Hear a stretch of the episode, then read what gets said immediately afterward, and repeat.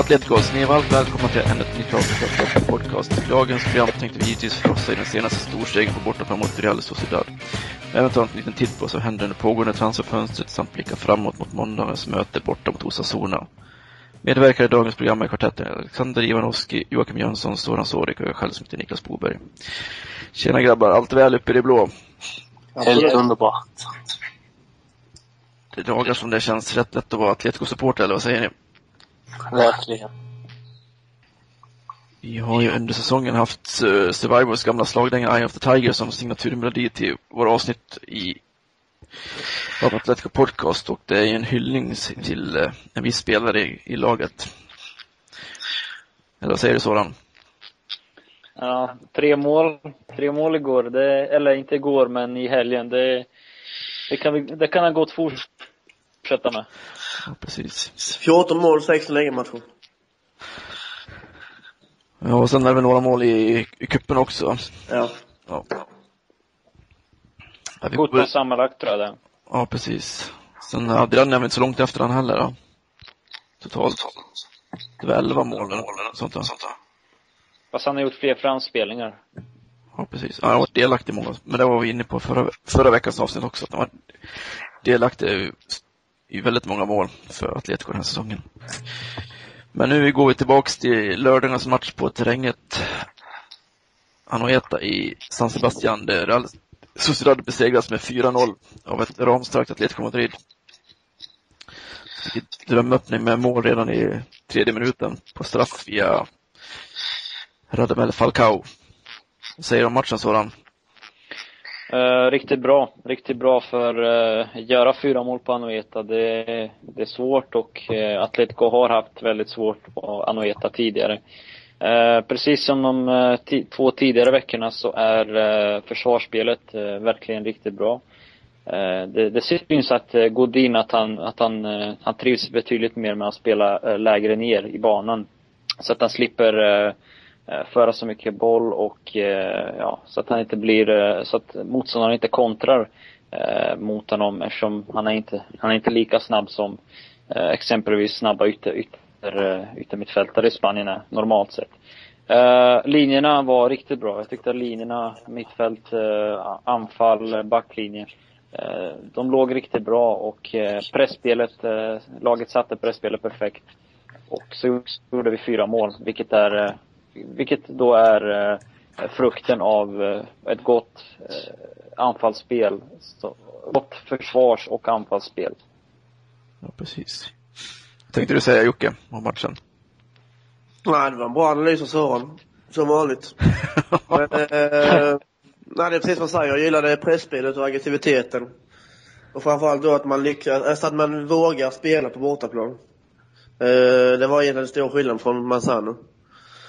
Sen var Sociedad sju ligamatcher utan förlust innan eh, Atletico kom besök. Det är också starkt att vinna mot ett sånt bra lag. Så det, det är bara positivt. Ja, de hade väl bara två förluster hemma också under säsongen hittills. Ja, så, Mm. alltså något att tillägga också att detta var faktiskt den andra gången tror jag eh, på i alla fall väldigt länge, jag vet inte om det är i hela historien, eller det är i alla fall andra gången på väldigt länge som Atletico vinner. De har bara vunnit, då var det ju då när de vann förra säsongen. Ja, för det där var det någon gång början på 90-talet. Var inte så Soran? Du skrev inför om det där. Ja, jag tror det var 1991, 92 Ja, eh, precis. då de vann senast. Så på 13 eller 14 försök så har de bara lyckats vinna en gång.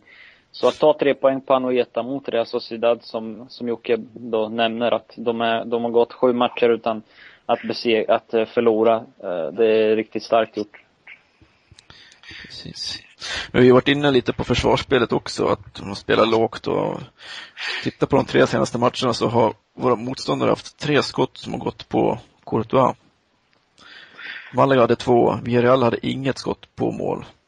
Eh, Sociedad hade ett avslut på mål. Avsluten totalt är ju 11 för Malaga, 3 för Villarreal och 16 för Sociedad. Men det visar ju lite hur bra försvaret jobbar också, att Courtois står ju nästan sysslolös där i målet. Ja, precis.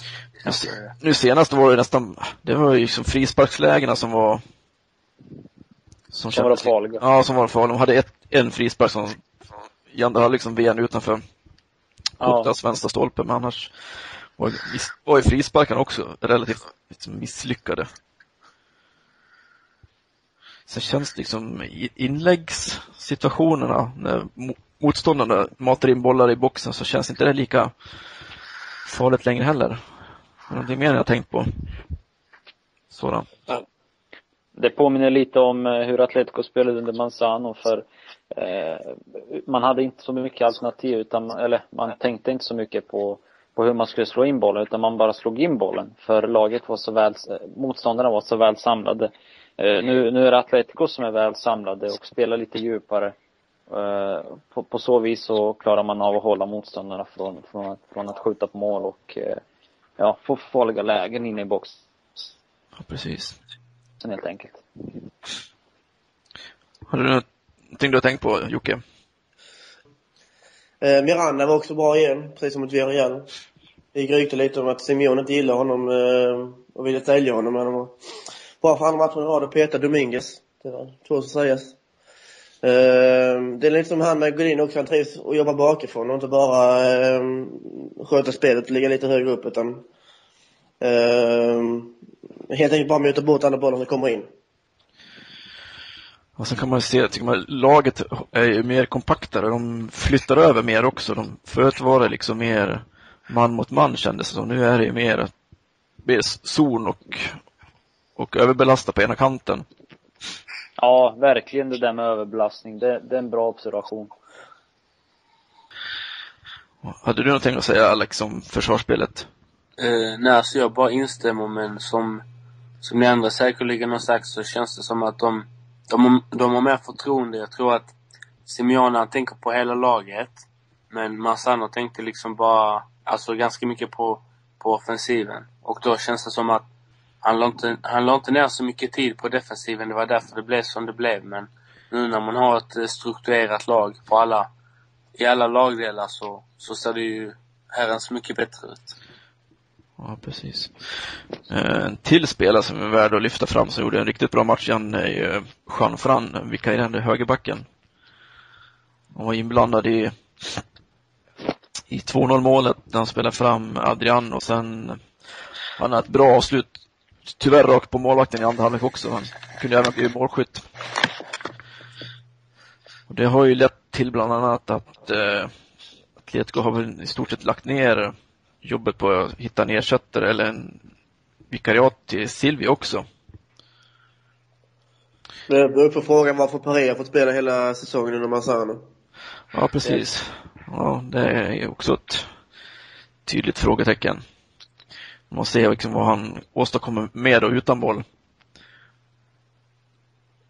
Och framförallt med boll. Det händer inte speciellt mycket överhuvudtaget. Det är i stort sett bara att springa rakt fram.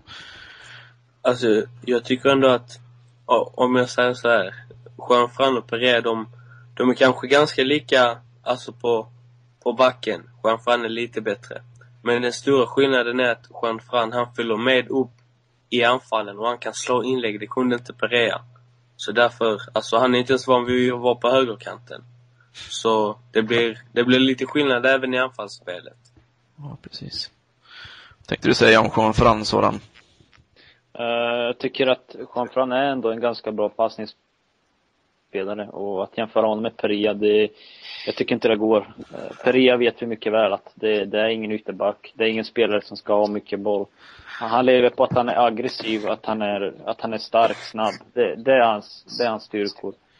Eh, Juan Fran kan ju slå inlägg, det vet vi sedan tidigare. Det vet vi, det har han gjort i Osasuna i många år, innan han kom till Atletico. Så, eh, liten be, det är li, begränsning, eh, jag tycker att det är en begränsning att eh, Juan Fran kan, kan användas i den här positionen.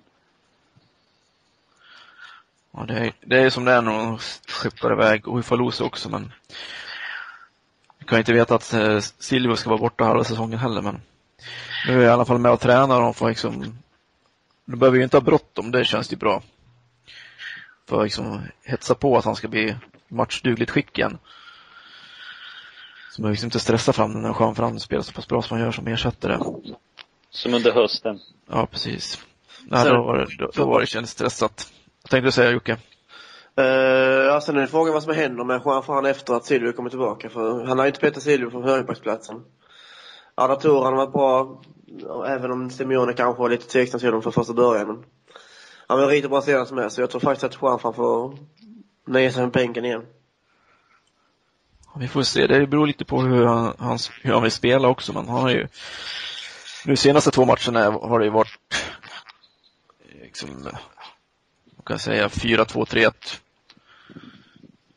Med att Adrian som släpar anfaller, att han går, jobbar mer defensivt.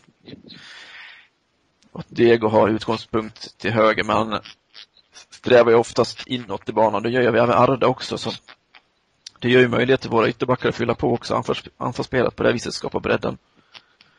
För våra mittfältare gör det inte direkt, utan det är ju, det är typ om Adrian eller Falcao går ut på en kant och får hitta ytor. Men... Jag, tror att han kommer, jag tror att han kommer använda sig av eh, Silvio i de lite svårare matcherna, toppmatcherna. Eh, som exempelvis derbyt mot Real Madrid. Tror jag att han kommer använda sig av Silvio i. Eh, Jean Franc kommer nog få spela mot de här lite, lite sämre lagen och kunna komma in och ersätta Silvio gång till gång. Jag tror att han kommer rotera lite grann där faktiskt. Ja, det är i alla fall chans att avlasta Silvio lite.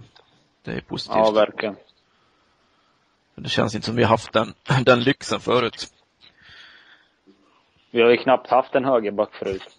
Nej, vi har haft en halv högerback och, en, och haft, haft en hel när Silva varit frisk och det har inte varit så många matcher. Ni minns ju när vi var på Åland och vi frågade Uffe Falushi varför spelar du inte högerback eh, när Abel Resino var tränare? Då sa han bara ask the coach, ask the coach. ask the coach. Ja, precis. Fråga, fråga tränaren, fråga tränaren. Eh, kan vi diskutera lite mer. Vi var inne på försvarsspelet, det är även kul att se hur hårt eh, liksom typ våra yttrar jobbar i, i försvarsspelet också. Både Diego och Ardat, de är tillbaks ner och hjälper till och även Adrian också hjälper till när vi liksom har det här låga försvarsspelet och täcker till på kanterna. Det ger resultat. Det är lättare att jobba efter resultat såklart. Ja, men de, de säger resultat själva också att det, det lönar sig att jobba som ett lag. Sen är det fruktansvärt viktigt för Simeone att få, eh, alltså få resultat direkt med sina nya metoder. För jämför man han med Massano så är det helt olika ju. Eh, och jag tror inte spelarna jobbat lika hårt om nu Simeone hade fått, säga att han hade förlorat mot Malaga och kanske bara kryssat mot Villarreal. Det var kris igen ju.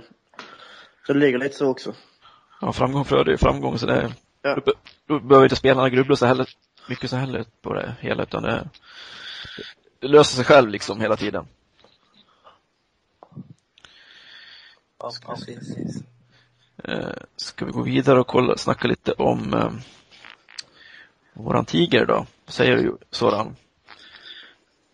Han gör ju mål och det är mål vi behöver, speciellt om vi ska försöka nå uh, Champions League. Uh, vi vet att Falcao kan göra mål och, och jag tycker att han visade en, en annan grej också uh, mot Real Sociedad och det var att de kunde slå upp bollen på honom och han kunde nästan, han kunde väl hålla den till viss del. Och, Eh, vilket han inte har kunnat göra tidigare då mot eh, kanske lite bättre lag. Hålla upp bollen alltså. Och när han håller upp bollen så kan laget samla sig lite snabbare. Eh, sen så kombinationsspelar han också, vilket vi inte har sett så mycket av eh, tidigare. Eh, när Juan Fran eh, spelar fram Adrian så eh, avsluten, eh, det, det är ju en. Det, jag tror det är tredje målet han gör på eh, volley och det är ett riktigt, riktigt snyggt mål. Ja, jag tänkte, har du satt och räknat någonting på många passningar Atletico hade inom laget innan Falcao avslutade 4-0 målet? Nej, jag har inte gjort det, men jag skulle tro att det är, det är säkert över 11-12 passningar kanske. Ja. Jag läste 17. Ja, det kan de göra. ja. Ja, jag ska, ska jag tänka, säga det, att det var säkert uppåt en 20 passningar inom laget innan Falcao fick fri- friläget av Kocko. Det var ju, Falcao var ju med och byggde upp själva anfallet ut på vänsterkanten också. Verkligen. Och det där, det där jag menar med att han deltar lite mer i eh, själva spelet och, klarar av att hålla upp bollen. Visserligen mot Real Sociedad, men eh, han klarar av det. Det har faktiskt varit en av våra svagheter hittills ju. Om vi ska vara helt ärliga. Att det liksom inte var komma med i speluppbyggnaden överhuvudtaget, utan liksom Ja, bara det varit, var framförallt då första, um, första touchen och passningsspelet och linjen från lands sa vi någon gång. ja precis, det var det sagt, sagt tidigare under hösten att han påminner lite om betongdojans Forlan ett tag där. Samma känsla lite hö, högerfoten. Men det var jag tyckte Simeone, eller för mig att Simeone snackade lite om det efter matchen mot Sociedad också, att eh, Falcao är sur på att hitta liksom de fria ytorna i straffområdet och det var ju tydligt exempel på det i 4-0 målet när han efter att spela ut på kanten och så löper in själv i straffområdet i full fart och sen sätter den på halvvolvet på det, det halvsvåra inspelet från Kocken då. Men det är ju lite det här också att han, eh, jag tror att han kanske har studerat eh, Raoul kanske har studerat Henke Larsson eh, när, de, när de spelade, när de var på, på sin topp. För ofta så följde de med, med försvararen in i straffområdet, nästan in mot målvakter och så tar de några steg bakåt. Och därifrån så kan de avsluta genom att skaffa sig lite utrymme framför sin försvarare. Så det är en sak som man gör riktigt, riktigt bra faktiskt. Ja, precis. Har du tänkt något att tillägga, Alex? Nej, jag, jag bara nickar och, och ler så att säga. Alltså, han, jag, jag, jag tycker att, ja, allting har, alltså ja, som Soran sa, han, han hittar, vi vet ju om att han är bra att, att hitta ytor, alltså i, i straffområdet och så. Så, ja. Alltså han har fått, det känns som att han har fått en bättre bollkontroll, alltså, det, att det eh, liksom bara har vänt, att han har fått en bättre första touch nu med Simeone. Till exempel att, alltså att han tar det med på allvar på något sätt. För innan så var det liksom han tog emot och sen så blev han av med bollen men nu, nu då, då försökte han ju dribbla och så men nu spelar han bara tillbaka den direkt. Och det, det känns ju mycket bättre.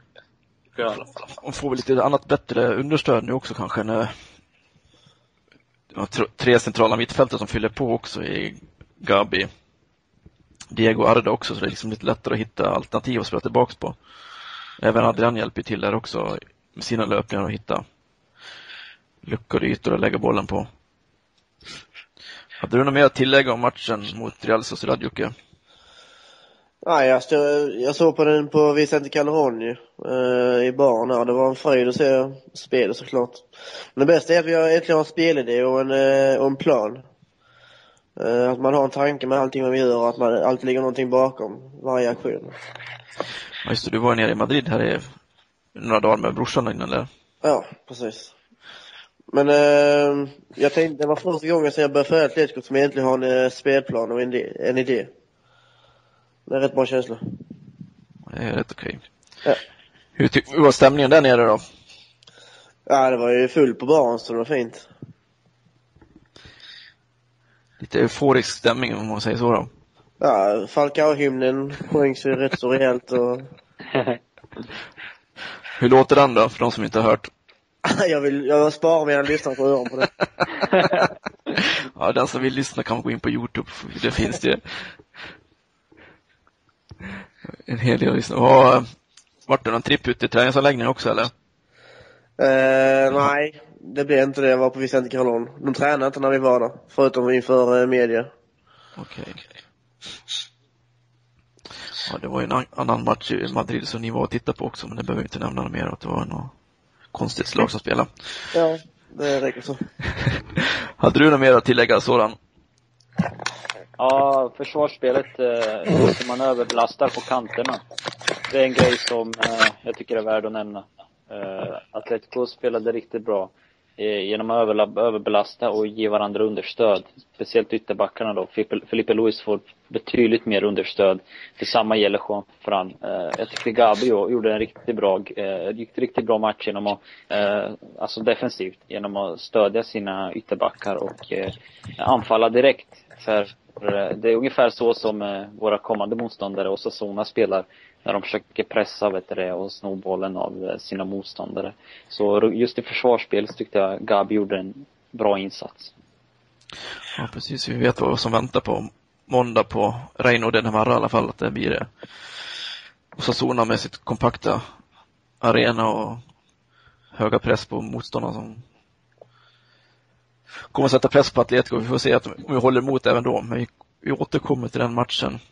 Har du något mer att säga Alex om matchen i lördags?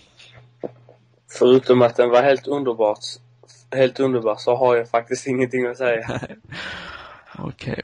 Vi, vi, går vidare i programmet med titt lite på silly som, som vi snackade om tidigare så, så verkar Simeone och Camanero, sportchefen då, vara överens om att Atletico inte ska förstärka någonting under pågående vinsterfönster men Idag på efter, onsdag eftermiddag så var det klart i alla fall att Diego Costa kommer att lämna Atletico Madrid till eh, ligakonkurrenten Rayo Vallecano på lån här under våren. Det ryktas lite om att Polido följer efter honom, men eh, inget klart än.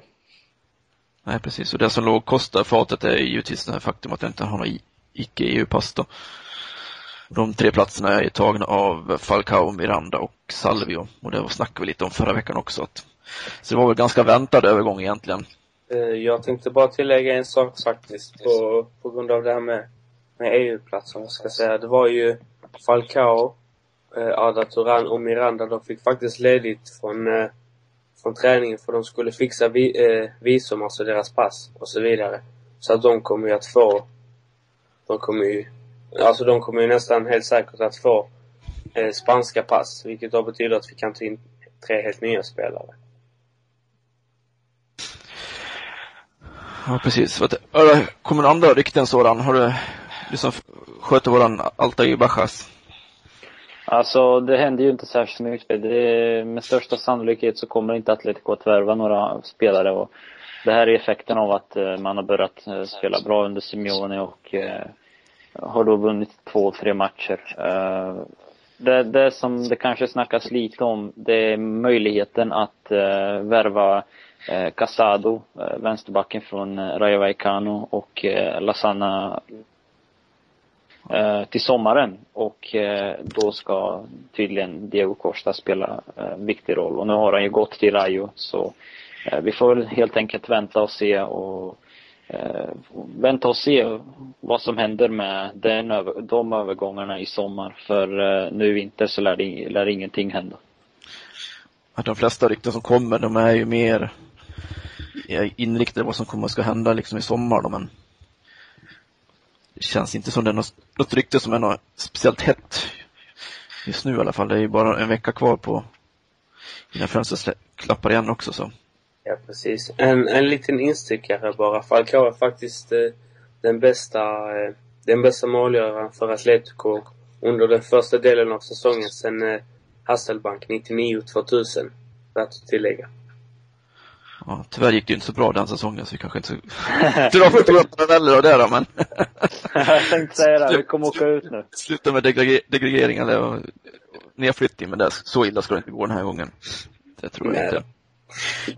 Nu är det, vi snackade lite om det förra veckan också.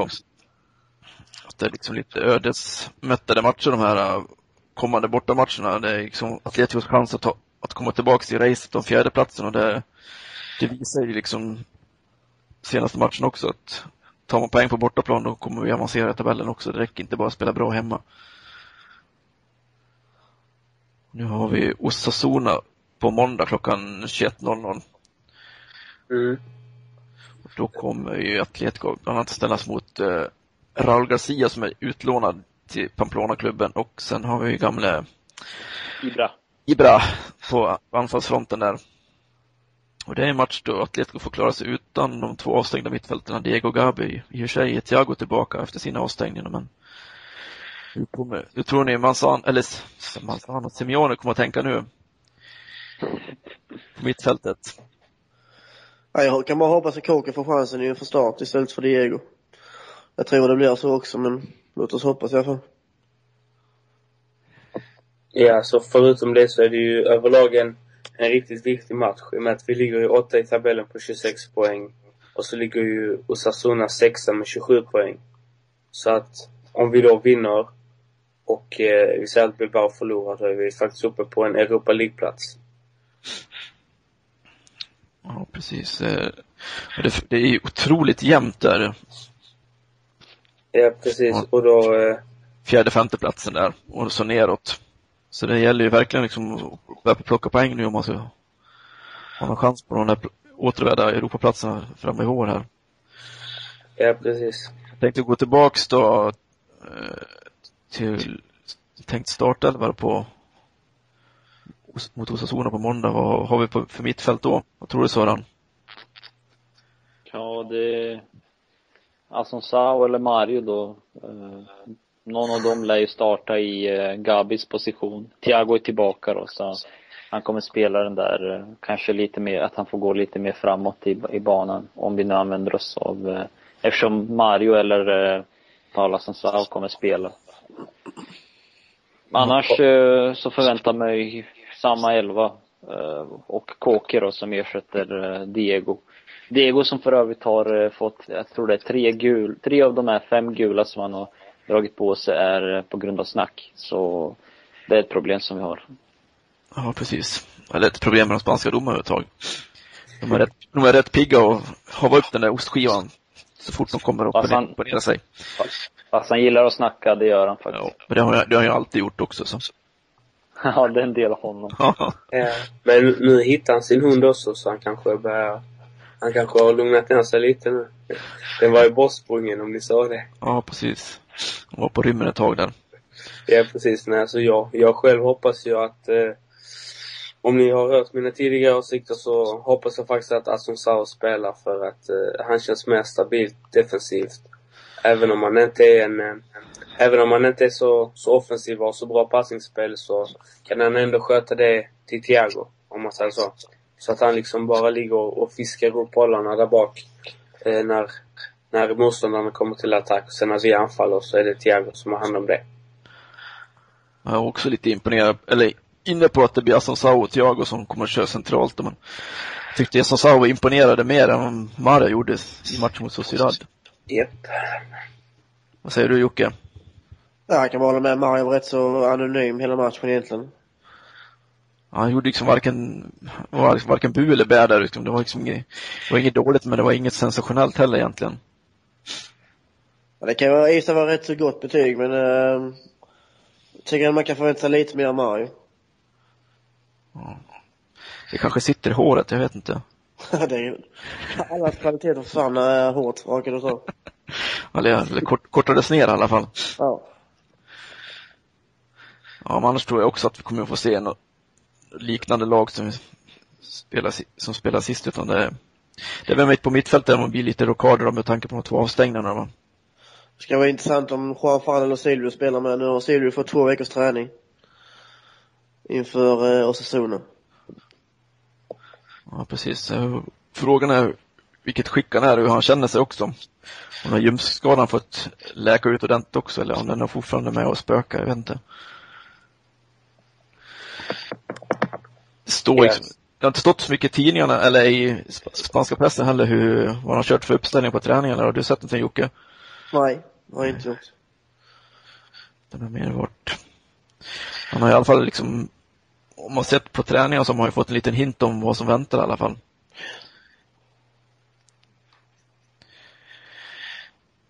Uh, vad har vi att säga om Osasuna? Såg du matchen i deras senaste match? Eller sådan? Ja, det gjorde jag. Eh, väldigt fysisk eh, fotbollsmatch. Eh, båda lagen pressade ganska högt. Eh, Osasuna ännu högre än vad Valencia gjorde. Eh, Osasuna vann mycket boll och eh, det som jag nämnde tidigare i programmet var att man pressar alltså, man pressar motståndarna ut på kanterna och så hjälper en av de centrala mittfältarna till. Så man anfaller alltså med tre mot två. Man försöker skapa tre mot två lägen för att snå åt sig bollen då, kontra snabbt och göra mål på, på sina motståndare. Så eh, till viss del är det ganska likt det Atletico spelar, bara det att Atletico har bättre spelare rent tekniskt än Osasuna. Ja, precis. De har haft lite problem med målskyttet och det, det var ett förlösande mål på tilläggstider som såg till att det blev en poäng sista mot Valencia men Ja, på fast situationer eh, är Osasuna riktigt bra. Så det kommer bli eh, intressant att se hur eh, Atletico, framförallt Simeone, kommer ställa ut sitt lag eh, på just fast situationer. Så det blir en stor uppgift för bland annat Godin att hålla deras bästa huvudspelare borta från Atleticos mål. Det kommer bli riktigt intressant. Precis. Har du några tankar om matchen på måndag, Jocke?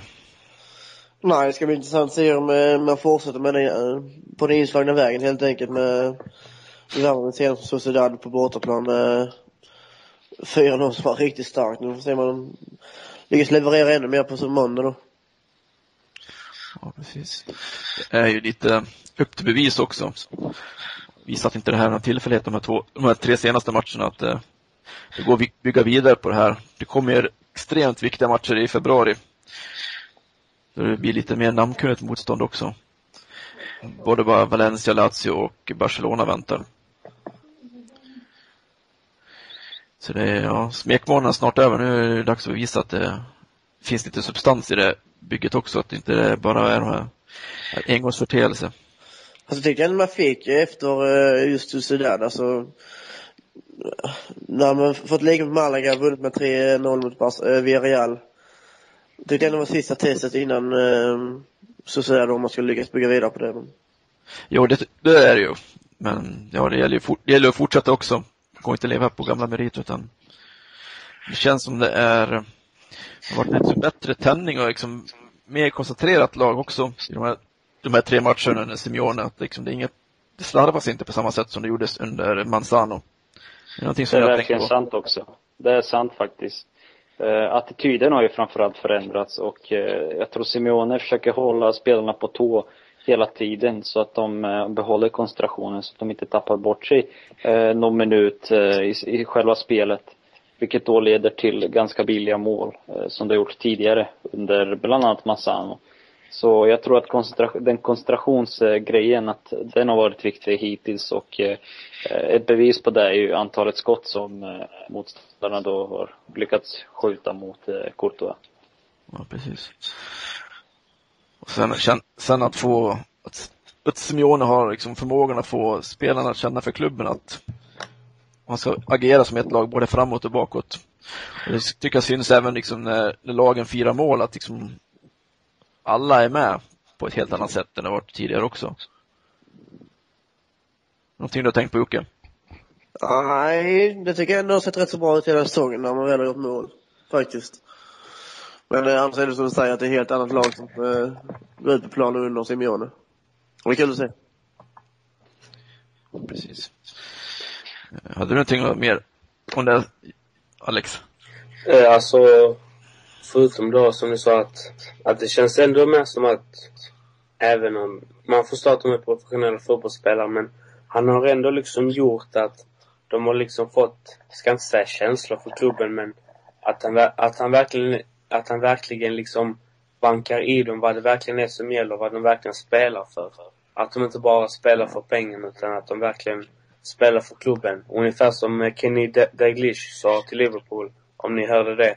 Sa att eh, om, om de spelar så här som de gjorde i senaste matchen och förlorar väl med 3-1 tror jag det var.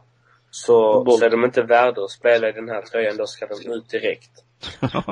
och jag, jag tror det är ungefär som i, i samma filosofi som Simeone har. Eh, fast han är inte lika, jag, fallen, jag, jag har i alla fall inte sett att han är lika aggressiv eller så här men eh, tror ändå det är samma anda han, han håller på liksom. Vill man, alltså har man inte hjärta för klubben så ska man ut illa kvickt. Ja, det, var, det, det visar ju sig i alla fall i fallet Reyes att Simeone var ju ganska klar på den punkten. Vill han inte vara kvar i klubben då finns det ingen att låta honom vara kvar heller utan då får han, då får han gå. Ja precis, men han det var ju, alltså med Reyes, det var inte bara så att säga spelmässigt utan det var ju lite personligt också. Så det var det är ändå rätt också. Reyes är väl en besvärlig person hur man än vänder och vrider på den. Det är bara att visa vilka, vilka problem man har haft med sina tränare genom åren. Det är bara två tränare han har lyckats under Caparros och Kike Sanseflores i stort sett. Resten har ju varit, det har ju varit turer både hitåt och ditåt så. Ja, precis. En kille man vill ta fram eh, silkeshandskarna med och, och ska hantera honom. Eller? Kanske därför han har en silvrig näsa. Precis. Eh, innan vi avslutar så kan vi på snacka om eh, nykomlingen Granada som har fått en Yes. ny tränare. I form av gamla stormålvakten Abel Resino som tränade En, Atletico en säsongen. intressant grej bara. Ja, kör. Det är att, vet du, det, att, att, att uh, Abelesino då, han kan inte, kan inte försvarsspel och eh, det märkte vi ju när, eh, när han var i Atletico Madrid. Det var hög press, ut, eller ja, han försökte spela en hög backlinje utan press på bollhållare och det gick ju som det gick. Bland annat, och ni minns den här horribla matchen mot Chelsea när det blev 4-0. Men Pablo ramlade. Ja, Ja, Ändå vart det ju hans första halva, han tog ju över också, det är liknande som eh, Simeone, han tog väl över också över i, efter Aguirre va? Yes. Och då gick, men då var i sig, han räddade sig i stort sett av Forlando som var helt sjuk den våren. 32 mål den säsongen. Ja, precis. Han, han gjorde ju mål på allt under våren då och sen fick han förnyat förtroende för han hade väl bara fram till sommaren då tror jag för mig och sen fick han nytt, förlängde de kontraktet med Resino och sen sen gick det åt pipan efter han varit på Åland. ja, verkligen. Eh, en, grej bara med eh, uh, Abdelresino, det var ju att eh, en av hans största eh, triumfer, det var ju mot eh, Barcelona. När Atletico låg under med 2-0, eh, kom tillbaka 2-2, sen 2-3 gjorde Andri tror jag, i den matchen. Och så vann Atletico den matchen till slut med 4-3. Eh, den matchen så bestämde han sig för att eh, Puyol skulle bli spelförande så eh, han hade ändå lite taktisk, eh, taktisk kunskap. Ja, den, den fjäderhatten får vi får behålla i alla fall. Får vi... ja. Ja, precis. Ja, med de orden får vi tacka för idag och sen får återkomma nästa vecka får vi se om vi är lika glada då också. Eller om vi kommer ner på jorden igen. Antagligen har vi kommit ner på jorden. Ja, vi får Det se. sa du förra gången med. Vad tänkte du säga Jocke? Ja, det sa han förra gången med, Soran, så vi får se. Ja, vi... Vi är alltid optimister. I alla fall före matchen. Ja, precis. Klart vi vinner 3-4-0. Tack, tack för visat intresse. Ciao. Nej. Hej.